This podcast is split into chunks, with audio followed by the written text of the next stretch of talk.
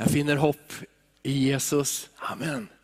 Härligt. Jag hoppas att du gör det också. Då gratulerar jag dig. Och är du inte att gratulera än så, det här kan vara din dag. Att sätta ditt hopp i Jesus. Inbjudan är där, inte först och främst för mig eller oss, utan från Jesus själv. Inbjudan är där. Vill du ta emot mig, säger Jesus. Jag vill ge dig hopp. Hörrni, fantastiskt att få vara här igen och predika. Eh, ni hörde väl Malin Hagenfors predika förra söndagen va? Och har ni inte gjort det så gå in på Facebook eller hemsidan eller Spotify, lyssna, titta på budskapet som hon gav oss. Eh, jag vill citera ur ett e-mail ifrån Daniel Alm. Daniel Alm är föreståndare för liksom alla pingstförsamlingar i Sverige. Och eh, han är sen också pastor och föreståndare i pingstförsamlingen i Västerås. Men som föreståndare för pingst i Sverige så tar han tillfället att, att ge oss andra pastorer input ibland. Och eh, då skrev han eh, ett mail så här för två veckor sedan. Inför hösten har jag upplevt ett ord. Och om du, vad menar han? Ett ord? Ja, det betyder att han upplever att Gud har gett honom en, en hälsning, någonting att säga. Från Gud till oss. Och då skrev han så här, skördetröskan ska igång.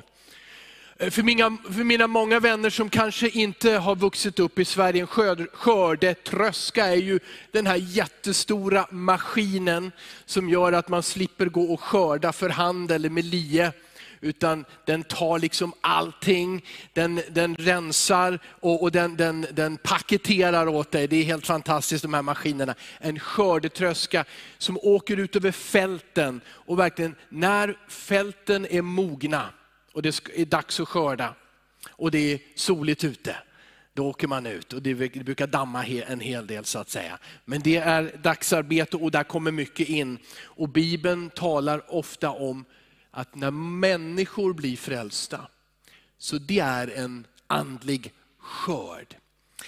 Daniel skriver, skördetröskan ska igång. Jag tror att det betyder att många, många pingstförsamlingar ska ha dopförrättningar, det vill säga döpa människor som har kommit till tro på Jesus. Var och varannan helg fram till advent skriver han. Det är alltså varje söndag, eller i alla fall varannan söndag, så döper vi nya människor. Okej. Okay. Vi behöver förbereda för skörd, men också skörda.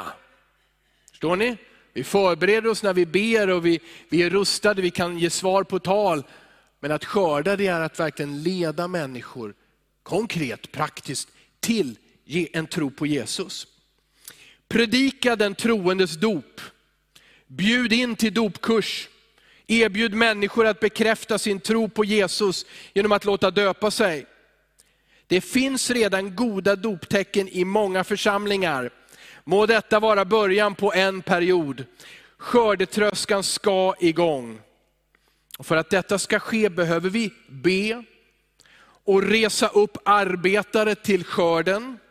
Och vi behöver en positiv framtidsvision för församlingen, som är långt gående utanför vår egen krets. Och då säger han så här, en dag är bruden, det vill säga församlingen, en stad. Enligt Uppenbarelseboken 21.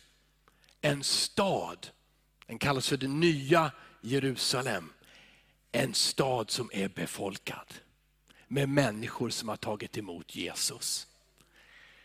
Skördetröskan ska igång, skriver Daniel Alm. Vad säger ni till det? Amen. Amen. Oj, oj, oj. Då läser vi från eh, Matteus 28. Jag ska vara lydig vad föreståndaren har sagt jag ska predika om dop. Hiba har gett en dopinbjudan till dopkurs. Det kommer vi upprepa många gånger, fast på tisdag börjar vi redan. Eh, men vi kommer att ge andra möjligheter, redan samtalat med någon igår kväll som inte kan på tisdagskvällar. Så om du vill bli döpt, eller om du säger, nej men jag vill ha mera bibelstudium eller samtal, jag vill veta och förstå det här. Så, så hör, kom på tisdag kväll, eller hör av dig till mig, eller till Malin, eller någon annan, så får vi hitta andra tider också. Okej? Okay? Så är det. Det får bli lite obekvämt och det får bli lite mycket arbete. Men det är skördearbete, eller hur Klasse, du som skördade mycket i somras? Så bokstavligt ute på fälten. Det är mycket arbete från morgon till kväll, men det ger en sån glädje. Eller hur? Och en skörd, en god skörd ute på åkrarna ger mat för ett helt år. Ofta åt många, många människor. Vi vittnar och skördar för att himlen ska befolkas. Och det är Guds uppdrag till församlingen. Matteus 28, jag läser från vers 16 till slutet på kapitlet. De elva lärjungarna gick till Galileen, det är ett område i norra Israel, till det berg dit Jesus hade befallt dem att gå. När de fick se honom tillbad de honom, men några tvivlade. Men säga någonting redan om det. Är det inte skönt? Lärjungarna då är ungefär som lärjungarna nu. De tillbad Jesus och några tvivlade. Jaha. De hade sett Jesus uppstå. De hade käkat mat med den uppståndne Jesus.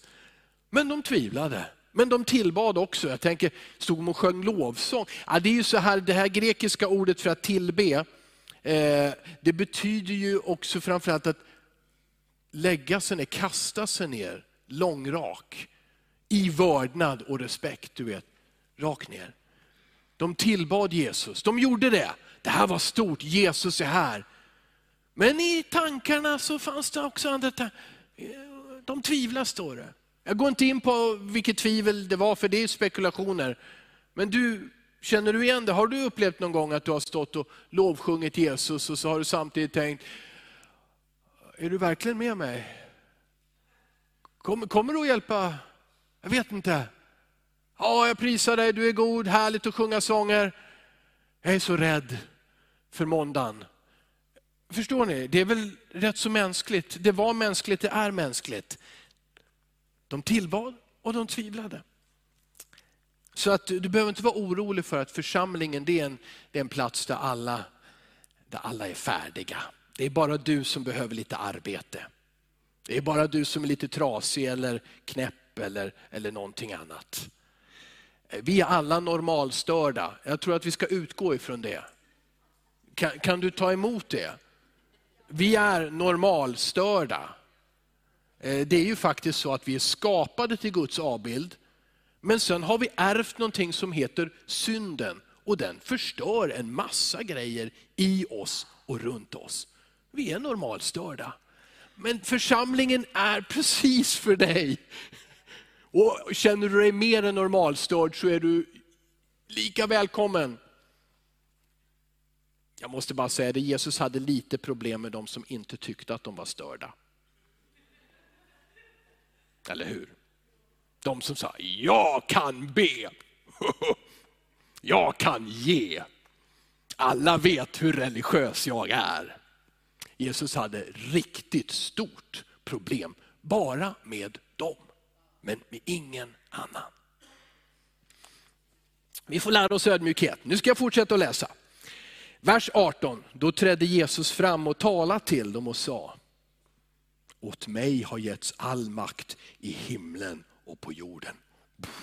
Nu skulle vi behövt de här trummorna igen. Vad sa han?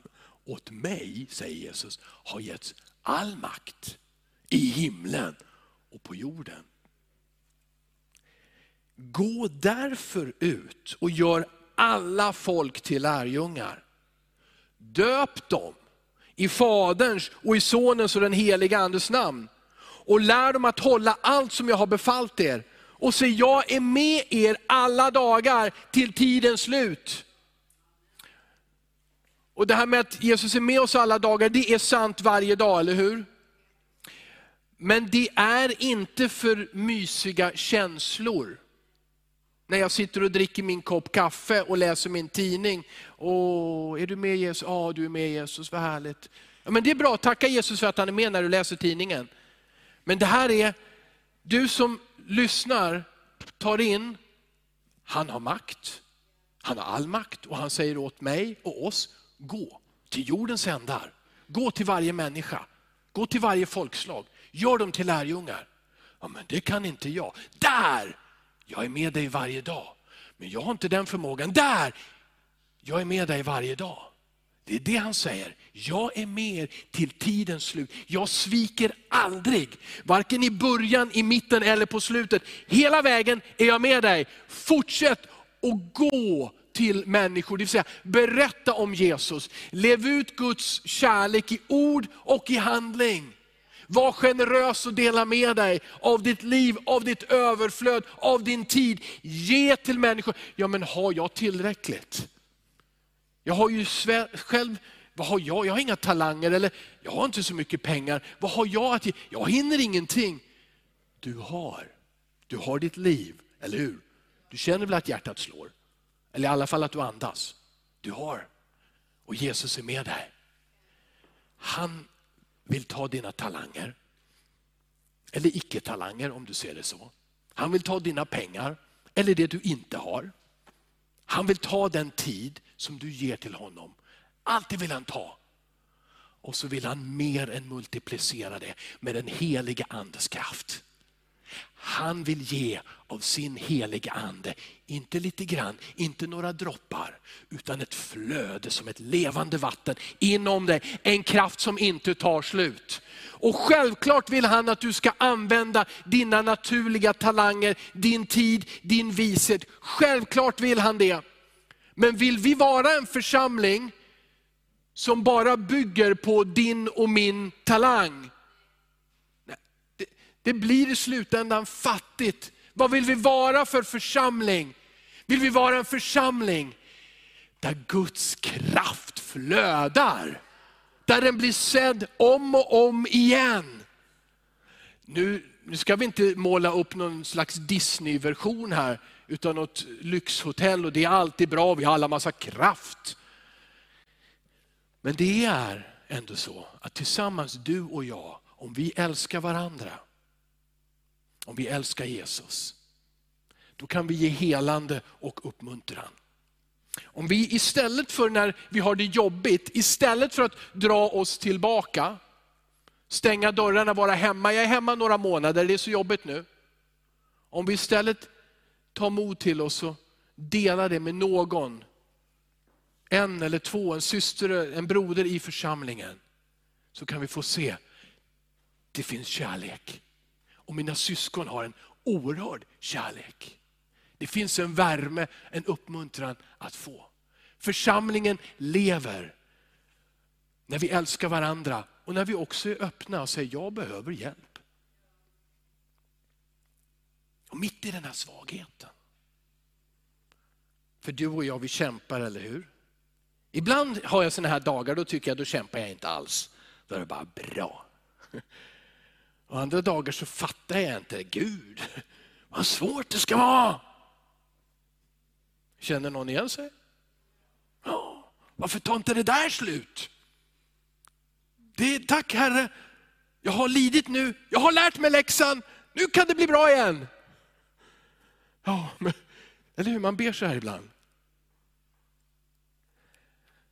Men ändå mitt i svagheten vill Gud ge dig sin härlighet. Sin härlighet, sig själv. Sin överväldigande godhet och skönhet. Sin närhet, sin kraft. Så att vi vet, och alla vet i slutändan, att det byggde inte på din och min förmåga. Det byggde inte på att vi lyckades bygga den vackraste kyrkan och vara de fräschaste människorna och ha de bästa programmen. Det byggde aldrig på det. Utan det byggde på en, Jesus Kristus. Det byggde på honom. All ära till honom som vill vara din och min vän. Halleluja. Jag får korta det som jag skulle predika om, för nu har jag sagt så mycket annat. Jag blir så glad när jag ser det. Vad hindrar att jag blir döpt? Ja, det, den frågan vill jag i alla fall gå in på lite grann. Eh, vad hindrar att jag blir döpt? Det är titel på en, en bok som en, en vän, en eh, fantastisk evangelist och pastor, Tiglet Malkey, har skrivit för några år sedan. Vad hindrar att jag blir döpt? Jag tror att i den nya versionen har han, det finns ett annat omslag, då är det inte en bild på honom. Det, eh, jag älskar honom, men det, det, är bra. Man kan ha en bild på något annat också. Eh, men, men i alla fall, så Tiglet, eh, en fantastisk bok. Jag läste den i natt. Den är lätt att läsa. Vad hindrar att jag blir döpt? Den är läsvärd för alla som ställer sig frågan. Eller för alla som tänker, ja, men jag brukar berätta om Jesus men jag har nog aldrig sagt någonting till en annan människa om dopet. Känner du igen dig? Finns, du behöver inte nicka eller säga någonting. Men kan det hända att det finns eh, kristna här som, ja jag berättar om Jesus, men jag har nog aldrig sagt något om dopet. Men Jesus sa ju, gå ut och gör alla till lärjungar och döp dem. Ja just det. Så säg det också. Tro på Jesus, omvänd dig. Han förlåter dina synder. Låt döpa dig. Det är en del utav paketet, eller hur? För att vad vi pysslar med är än en gång inte bara att Jesus vill att jag ska ha det bra, jag har en tro, det är fint. Tror du också? Ja, det är fint, du tror också. Vad tror du på? Jaha, du tror på det och på den guden. Ja, vad fint. Vi tror alla lite grann. Vad härligt. Men det är inte det som Jesus håller på med. Han vill försona varenda människa med sig. Han vill att det ska vara fred mellan honom och varenda människa. Och det finns ett djupt problem i oss som gör oss normalstörda och ibland riktigt destruktiva. Det är synden. Den har vi tyvärr ärvt. Ja, då kan vi ju gnälla på det. Liksom. Varför skulle vi få synden från våra förfäder Adam och Eva? Ja, men du har ju också ärvt livet, eller hur? Du finns och du är älskad och det är också ett arv. Och du har en möjlighet att leva livet till fullo här och i all evighet. Det är också ditt arv. Men med i det här finns det som Bibeln säger kallar för synd. Och det är ett sånt allvarligt problem. Att det hindrar oss att lära känna Gud som han verkligen är. Det finns ingen människa, säger Bibeln, som med sina böner, som med sin, sitt givande, sin generositet, med sitt springa i kyrka eller tempel eller moské eller någonting annat. Det finns ingen människa som kan bryta igenom den där synden på, i egen kraft. Ett helt liv av sökande och vi beundrar ju människor som söker och öppnar och, och gör sitt bästa, eller hur? Wow, tänk att de lägger så mycket tid på det här. Men det finns ingen människa, säger Bibeln, som kan bryta igenom det som är synden. Det, här är, det kanske går att likna med pandemin, viruset, som ett virus. Det är ännu värre, du fixar inte det själv. Du behöver hjälp utifrån. Och I det här fallet behöver hela världen hjälp utifrån. Men den hjälpen finns för Gud som har skapat oss och som lider i sitt hjärta över vad synden har orsakat. Han älskar oss. Han har sänt oss. Profeter efter profeter efter profeter. Gamla testamentet berättar om det. Men som det så ofta händer med oss människor, uh, otäcka profeter. Kan de inte låta mig leva mitt liv som jag vill? Eller hur? vi är ungefär nu som de var då. Jag vill leva mitt liv. Jag vill göra vad jag vill. Jobbiga profeter talar om Gud hela tiden och att jag ska liksom släppa kontrollen över mitt liv och jag ska släppa kontrollen över ja, allt egentligen. Och så ska jag erkänna att det finns något fel på mig. Vad jobbiga de är profeterna. Och redan på den tiden så blev det ofta så att de som vågade säga ja till Guds kallelse och bli profeter, de fick ett mycket svårt liv. Och inte några få, utan många blev dödade. Och Då bestämde Gud sig, och det visste han, det var ju hans plan hela tiden. Det räcker inte med människor som ger det här budskapet, utan jag måste ge det själv. Så för att hjälpa oss att åtgärda det som inte du och jag kan, syndens problem i våra liv, så sände Gud sin egen son. Alltså i praktiken, han sände sig själv.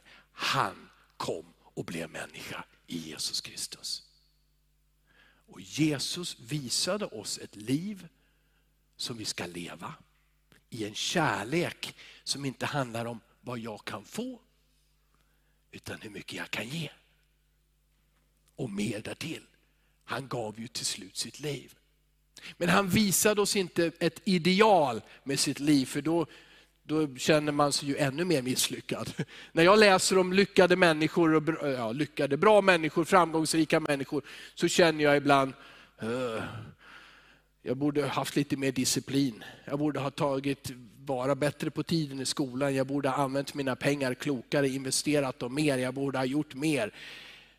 Lyckade människor kan trycka ner oss också, idealbilden, eller hur? Eller är det bara jag som tänker så? Nej, säkert inte. Jesus gjorde naturligtvis någonting mer.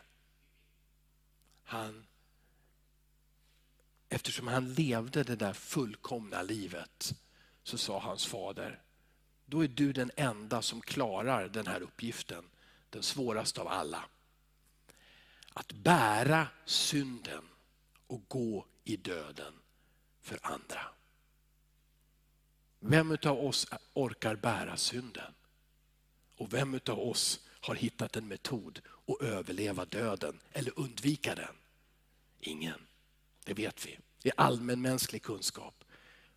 Men Gud sa, min son, han har levt så som man ska leva för att leva i all evighet. Han har levt under samma villkor som alla andra människor. Dessutom så följde han den mycket svåra judiska Guds lag i gamla testamentet i allting. Han uppfyllde allting. Han bar den bördan. Och då sa Gud, då lägger jag alla andra människors synder på dig, min son. Och Jesus sa ja. Och Fadern sa ja. Och den helige Ande sa ja. Och har du läst berättelserna så vet du att när Jesus hängde på korset så säger han, utropar han smärtsamma ord. Min far, min Gud, min Gud, varför har du övergivit mig? Har du känt dig ensam någon gång? Övergiven? Besviken på dig själv och andra? Varför sviker mig min kraft? Varför sviker människor när jag behöver dem? Varför sviker systemet och samhället som lovat så mycket? Är jag ensam? Jesus har känt det ännu mer än du och jag. För han kom från himlen med en total enhet en kärlek som aldrig avbröts. Ett ljus som aldrig flimrade eller blev till mörker. Som lös. En kraft som aldrig svek. Han kom ifrån det till att hänga på ett kors, naken, hånad, slagen, torterad, spottad på, föraktad av sina egna, utelämnad ensamlämnad. Och fadern, var är fadern? För mörkret ifrån synden som vilade på Jesus var så kompakt att det var den svartaste natt.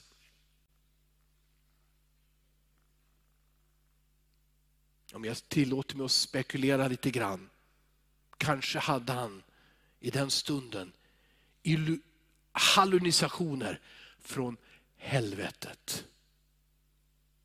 Att vara skild ifrån Gud för all evighet. Min Gud, min Gud, Eli, Eli, lama sabachthani. Varför har du övergivit mig? Men fadern övergav aldrig sin son. För allt som behövde hända det var det som skedde alldeles strax senare. Jesus ropade, det är fullbordat. Han gav upp andan och så dog han.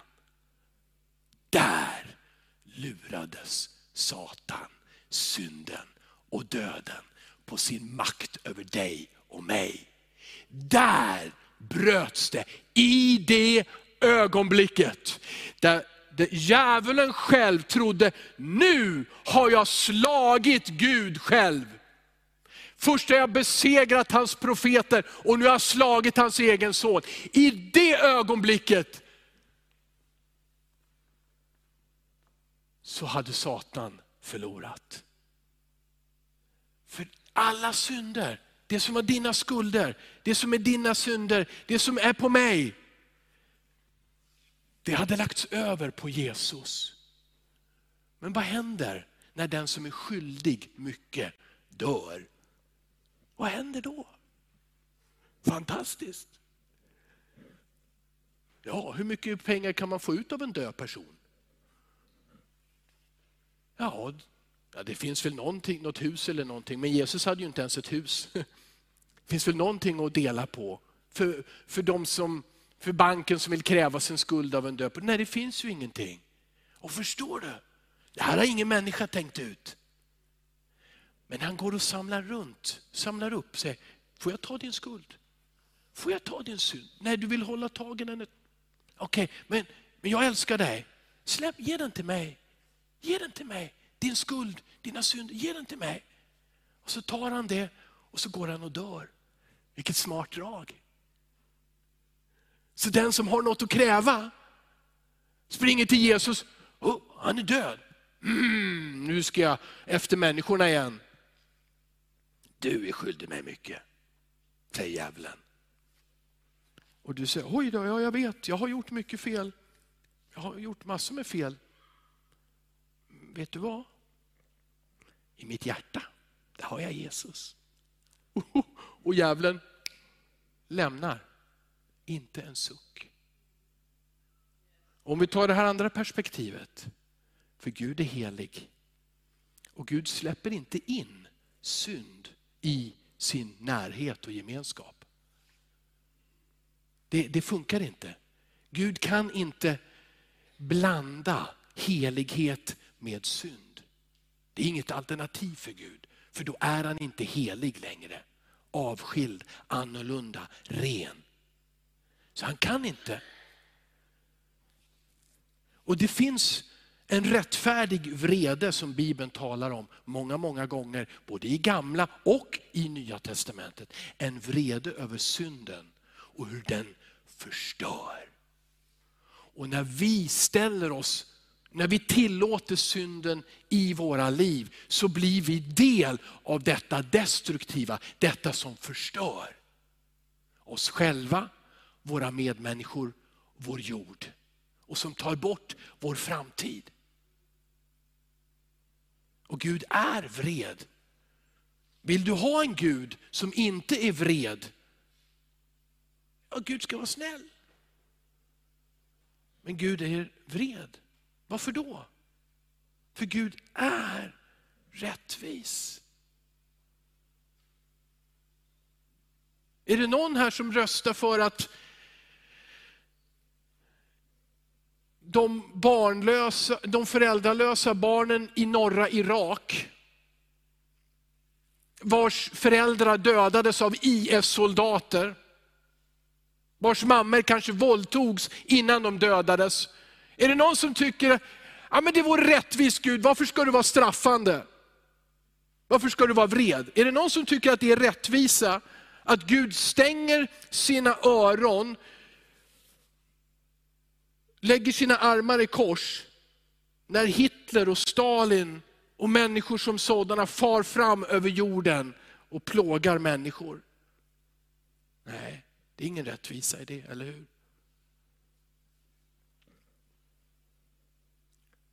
Men saken är den, de goda nyheterna, det är att jag, Gud är vred över synden. Men han älskar syndaren.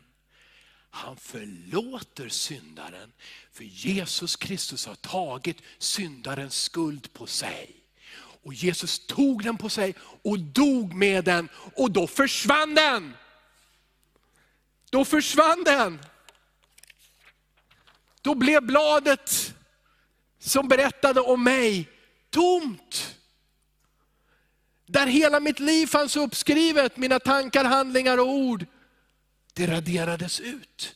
Inför Gud, kanske inte alltid för mig, för jag kommer ihåg en hel del av vad jag har gjort. Och jag känner också, jag vet också, märkte min svaghet så sent som denna vecka. Och dumma tankar som jag ibland måste säga, åh Kalle, nej ta tillbaka den där tanken, bort med den. Jesus, hjälp mig att gå vidare utan sådana tankar. Ja, nu blev jag för arg, nu höjde jag min röst för mycket. Förlåt Gud och så kanske jag också ber någon annan om förlåtelse. Så, så bladet skulle kunna fyllas på ständigt. Men grejen är den att Jesus, han har gjort det helt fritt. Det är rent, det är ett blankt blad. Du har livet framför dig. Du har allting framför dig. Allt som du tycker att du har förlorat, allt som du tycker har tagits ifrån dig. Allt det är ditt i denna stund genom Jesus Kristus, genom hans död på korset. Och för att Fadern ville visa detta för alla människor, så lät han sin son uppstå. På tredje dagen, precis som det hade förutsagt, så uppstod Jesus genom Guds kraft. Och det står i evangelierna, den kraften är verksam också i våra döda kroppar. Jag, nu är den inte så död kroppen, men, men du vet, den, jag är 50 år och jag känner att den blir lite sämre. Och, jag, och så talar vi egentligen om hjärtat. Men jag lever! Och du lever! För att Jesus bor i dig och samma kraft som uppväckte Jesus från de döda är verksam i dig. Och den kraften är inte för denna dag och tar inte slut på måndag morgon när du går till skola, arbete eller fortsätter söka arbete. Eller tar hand om din sjuka mamma eller någonting. Den kraften tar inte slut. Den finns där i all evighet. Släpp fram den i Jesu namn. Jesus bor i dig och han ger dig kraft. Det var väldigt svårt för mig att tala om dopet idag. Men jag lägger, tror jag, en grund. Vad är, vad är det som hindrar att du blir döpt? Jag skrev några snabba grunder, jag drar väl dem i alla fall och sen går jag och sätter mig. Vad är det som hindrar att du blir döpt? Det här är ju inte bara en fråga ifrån eh, Tiglet Malkei, utan det är ju en fråga Eh, från, från en etiopisk finansminister, hovman, som hade besökt Jerusalem, för han sökte Gud, han ville ha frid. Han läste ur gamla testamentet, men han åkte hem till Etiopien och han var nedslagen. För i Jerusalem, Guds stad, dit en gång drottning Saba hade åkt för att träffa kung Salomo och berättat om hur fantastiskt det är i Jerusalem. Dit ville han göra sitt livs resa sin pilgrimsresa, sin haji, för att finna Gud, men han återvände. Jag hittade inte svaren, jag har inte fått frid. Men då kommer det en, en, en kille som heter Filippos. Och Filippos han hade, det här var ju, känns som ett missöde, ett misstag. Sånt där som händer ibland. Filippos hade varit i det landskap som heter Samarien. Och där hade han berättat för människor om Jesus.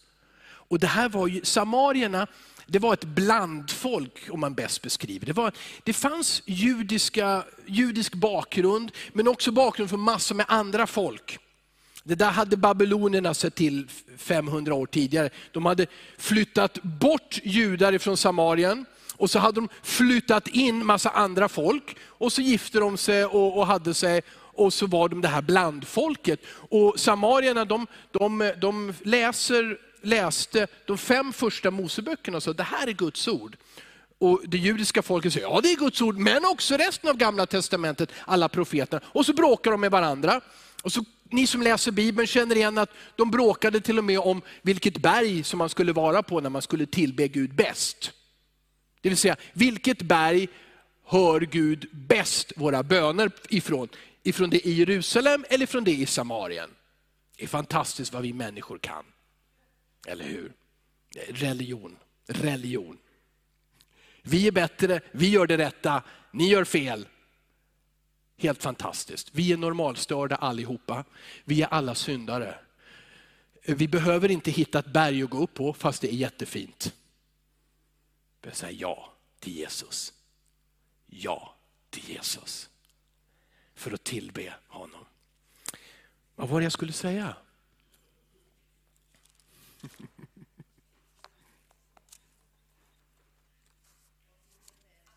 Ja, vad hindrar det? Vi, tar, vi går tillbaka till det, eftersom jag, inte, jag sa att jag inte har många punkter. Vad hindrar dig att bli döpt? Ja, men det var ju den etiopiska hovmannen, det var ju där var. Förlåt. Filippos hamnar, han upplever en fantastisk framgång när han predikar. Han får hjälp av apostlarna från Jerusalem. Alla blir frälsta, alla blir döpta, alla blir döpta i den heliga andes kraft. De talar i tungor och prisar Gud. Det förvandlas, det här folket förvandlas. Och Gud ah, gör flera saker på en gång. Han förenar judar och samarier som har hatat varandra och gör dem ett. Det här är lösningen för varje gränskonflikt i hela världen, överallt att den på den sidan gränsen och den på den sidan gränsen får ta emot Jesus och Guds ande gör oss till ett med varandra. Vi är bröder och systrar. Kan man säga halleluja i Eskilstuna? Alltså vi är ju minst 20 eller 30 nationer här och jag älskar er allihopa. Och jag tycker jag känner att jag får väldigt mycket kärlek här också. Ja? Och ibland förstår vi inte varandra, vi får prata lite långsamt och vi får lösa det där på olika sätt. Ibland smakar din mat så och min mat så, men vi hittar en väg. Men Jesus har gjort oss ett. Det här gör han. Okej, okay. så Filippos lämnar det där fantastiska, för Gud säger till honom. Vadå hur säger Gud till? Ja, hur ska vi beskriva det? Gud säger till honom, han vet på något sätt, jag måste lämna det här. Och så ska jag gå ut på en öde väg. Jaha. Han går ut på en öde väg, långt bort, en dammig väg, tråkig väg, vägen till Damaskus. Tills den etiopiske finansministern kommer. Ah! Hjärtat börjar slå i Filippos. Han börjar gå bredvid den här vagnen med häst, fint ekipage, jättefint. Och här går lille Filippos, diakonen. Han är inte ens en apostel, han är inte en av de tolv. Är Filippos en diakon? Han var ansvarig för vad då? Matutdelning. Ja, det är Filippos. Ja, jag går väl bredvid den här. Och går och så hör han Mannen läser ur Jesaja-boken. Han bara känner, men jag ställer väl någon fråga, vilken fråga ska jag ställa? Förstår du vad du läser? Säger den enkle vandraren, matkasseutdelaren till finansministern av ett av de största och rikaste länderna. Förstår du vad du läser? Har du gått till Magdalena Andersson och sagt det? Förstår du vad du läser? Hon brukar ju komma bärande med en sån här bunt en gång om året med papper och budget och så vidare. Han gör det. Och man säger, nej men hur ska jag göra det, säger mannen ödmjukt, om ingen förklarar för mig. Märker du, det är här du och jag kommer in. Om ingen förklarar för mig, är du beredd med den tro som du har, det du förstår idag, det du har i ditt hjärta. Vill du gå bredvid en annan människa tills du märker, jag kan ställa en fråga. Förstår du vad du läser? Vet du vad du söker? Hur är läget? Och så öppnas en möjlighet. Den här mannen sa, hur ska jag förstå om ingen hjälper mig? Och så bjöd han upp Filippos i vagnen och så satt de och läste Jesaja och Filippos förklarade att det gamla testamentet, profeten Jesaja talar om en person Jesus Kristus, Messias, Guds son. Som har kommit för att ta våra synder, dö för dem och uppstå igen och ge liv åt alla som tror på honom. Och därför när de kommer och ser lite vatten så säger hovmannen, vad hindrar att jag blir döpt? Det står inte i svaret, men svaret är ju ingenting. För den som tror ska bli döpt. Den som tror ska vara frälst. Amen. Så de, han, tar emot, han tror på Jesus i vagnen, de går av, han blir döpt i detta vattendrag och han blir frälst. Gud vill använda dig och mig. Vi tar de här fina punkterna en annan gång, eller hur? Vi kan ta dem på tisdag. Om du vill veta mer om vad är det som hindrar mig att bli döpt och varför ska jag bli döpt och varför säger Bibeln det? Och jag har en massa frågor, eller jag vet redan. Kom på tisdag. Vi pratar om det, vi undervisar det och som jag erbjöd förut, kan du inte komma på tisdag kväll halv sex, kontakta oss. Så tar vi en annan tid i veckan och så möts vi och så samtalar vi utifrån Bibeln och utifrån våra liv om det här. Vad ska du göra idag? En av de viktigaste grunderna att man inte blir döpt, det är ju att man helt enkelt inte förstår. Och du behöver inte förstå hela Bibeln. Det tar ändå ett helt liv och sen en evighet med hjälp av Jesus att förstå allting. Men fortsätt att läsa Bibeln varje dag, sök honom. Men vad du behöver göra, det är att ge ditt liv till Jesus. I det att du säger, Jesus, jag vill tro på dig. Jag vill ta emot dig i mitt liv. Synden, det där som förstör, ta bort det. Förlåt mig min synd. Fräls mig, rädda mig. Han hör din bön. Han hör ditt hjärtas bön. Viskad eller ropad eller tänkt. Han hör din bön. Men det är bra att använda munnen, för Guds ord säger, den som med sitt hjärta tror och med sin mun bekänner att Jesus är Herre, den ska vara frälst. Är det inte härligt att ha en mun? Du använder den väl rätt så ofta hoppas jag.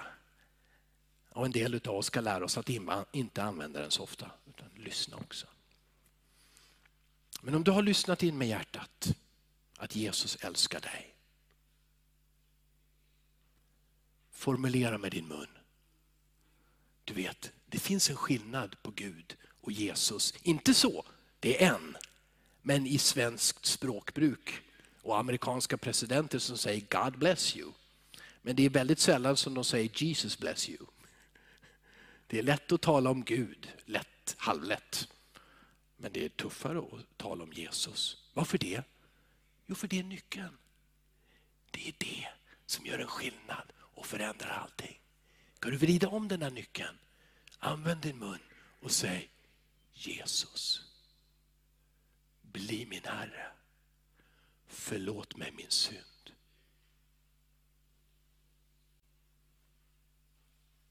Han räddar dig.